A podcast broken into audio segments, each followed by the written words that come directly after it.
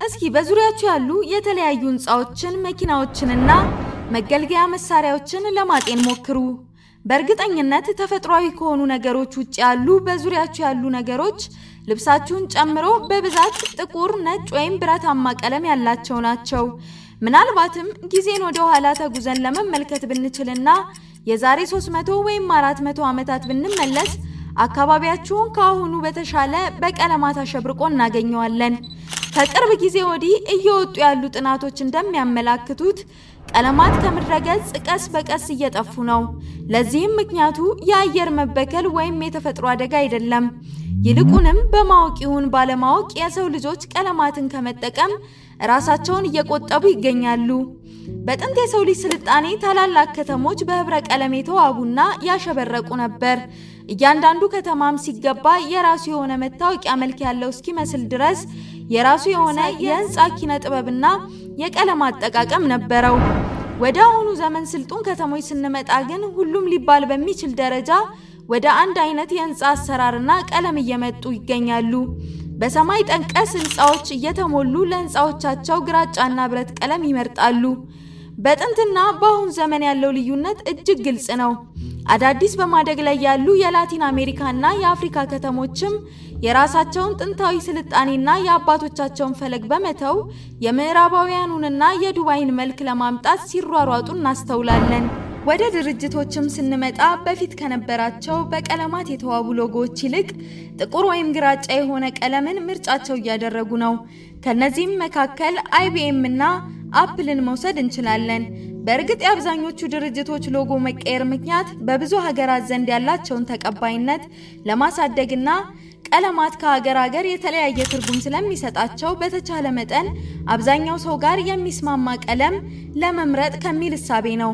በፊት በቀይና ቢጫ ቀለማት ይዋብ የነበረው የ McDonald በርገር ሱቆች አሁን በጥቁር ተተክተዋል። በግለሰብ ደረጃን ብንመለከት የሰዎች የግል መኪኖች ቀለም በብዛት ግራጫና ጥቁር ናቸው። ከዛም አለፍ ካለ ነጭ ናቸው። ታዲያ ከዚህ ሁሉ ተነስተን ዓለም ከህብረ ቀለማት ወደ ነጭና ጥቁር እየሄደች ነው ቢባል ማጋነን አይሆንም። ታዲያ ቀለማት ቢጠፉ ይህንን ያህል ሊያሳስብ ይገባል ወይ ለሚለው ደግሞ ከምታስቡት በላይ ቀለማት ለኛ ለሰው ልጆች እጅግ ትልቅ ጠቀሜታ አላቸው። ቀላል ከሚለው ጥቅማቸው ብንነሳ እንኳን ቀለማት የሰውን ስሜት የመቀየር ትልቅ አቅም አላቸው። የተጨነቁ ሰዎች የደስታ ስሜትን የሚፈጥሩ ቀለማትን ሊያገኙ የሚችሉበት እድል ሲያጋጥማቸው ከጭንቀታቸው ቀስ በቀስ ስለመላቀቅ ይችላሉ። ለዚህም ምክንያቱ ቀለማት የደስታን ስሜት የሚፈጥር ዶፓሚን የተሰኘው ሆርሞን እንዲለቀቅ ወደ ሰውነታችን ስለሚያደርጉ ነው። እንደ ሰማያዊ እና ነጭ ያሉ እርጋታንና ሰላምን የሚሰጡ ቀለማት ደግሞ ሰዎች ከድካም ስሜታቸው እረፍት እንዲያገኙና የሰላም እንቅልፍ እንዲተኙ ለማድረግ ትልቅ ጠቀሜታ አላቸው። ከዚህም ባለፈ ቀለማት ሰዎች ባህላቸውንና ማንነታቸውን የሚገልጹባቸው መንገዶች ናቸው። ለምሳሌ ለፈረንሳይ ሕዝቦች ከፍሬንች ሪቮሉሽን ወዲህ መታወቂያቸው ለሆነው እና እንሞትለታለን ለሚሉት አቋማቸው ነፃነት፣ እኩልነትና ወንድማማችነት ወይም እነሱ እንደሚሉት ሊበሪቲ፣ ኢጋሊቲና ፍራተርኒቲ መለያ የሚሆኑ ሰማያዊ፣ ነጭና ቀይ ቀለማትን ይወዳሉ። በሰንደቅ ዓላማቸው በቤታቸውና በዋና ዋና መንገዳቸውም ላይ ይጠቀሙታል። በአፍሪካ ሀገራት ዘንድ የአረንጓዴ ቢጫና ቀይ ቀለማት ትልቅ ትርጉም አላቸው። የነፃነትና የቀኝ አገዛዝ ተቃውሞ ምልክት ናቸው። ከዚህም ባለፈ ለተለያዩ ቤተ እምነቶችና የሃይማኖት ተቋማት ቀለማት የተለያየ ትርጉምና ቦታ አላቸው።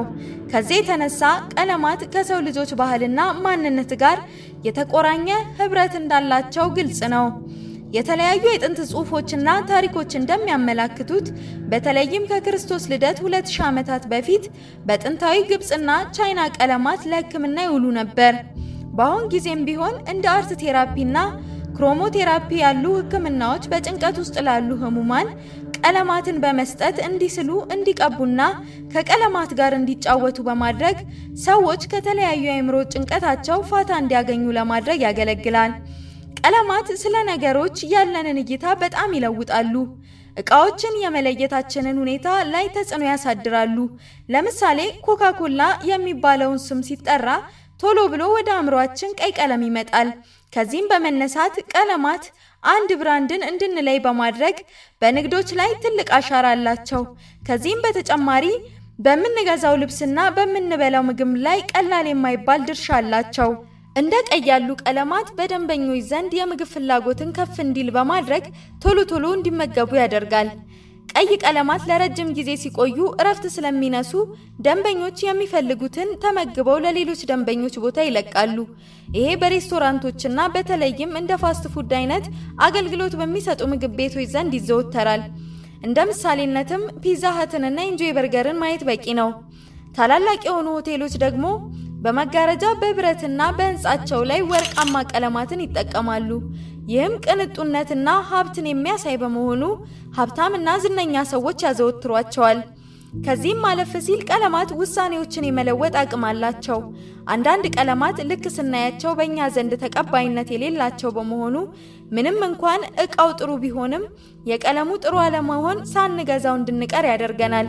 ወደ አንዳንድ ሱቆች ለመሄድ እግራችን ሲፋጠን አንዳንዶቹን ለማየት እንኳን ያስጠላናል። ይህም የቀለማት ውጤት ነው። አንዳንድ ቀለማት ጭንቀትን ሲፈጥሩ፣ የተቀሩት ደግሞ የተስፋንና የሐሴትን መንፈስ ይፈጥራሉ። ሆኖም ግን ቀለማት በባህሪያቸው መጥፎ ብቻ ወይም ጥሩ ብቻ አይደሉም። እንደየአገባባቸውና አጠቃቀማቸው የተለያየ አንድምታ አላቸው። ለምሳሌ ጥቁር ቀለምን ብንመለከት አንዴ የጨለማ፣ የባዶነት፣ የጭካኔና የሐዘን መልእክት ሲኖራቸው፣ ሌላ ጊዜ ደግሞ የደስታ፣ የሰርግና የምርቃት፣ የመንግስታዊና ቢዝነስ ተቋማት መሪዎች ልብስ በመሆን የልህቀት ምልክት ይሆናሉ። ቀይ ቀለምም በአንዳንድ ሁኔታዎች ውስጥ የቁጣና የደም መፍሰስ ምልክት፣ በአንጻሩ ደግሞ የፍቅርና የመስዋዕትነት ምልክት በመሆን ያገለግላል። እንግዲህ ቀለማት ከሕክምና ከንግድና ከሰው ልጆች ደስታ ጋር ጥልቅ ግንኙነት እንዳላቸው ካየን ቀለማት ለሰው ልጆች አስፈላጊ ነገሮች መሆናቸውን አምነናል ማለት ነው።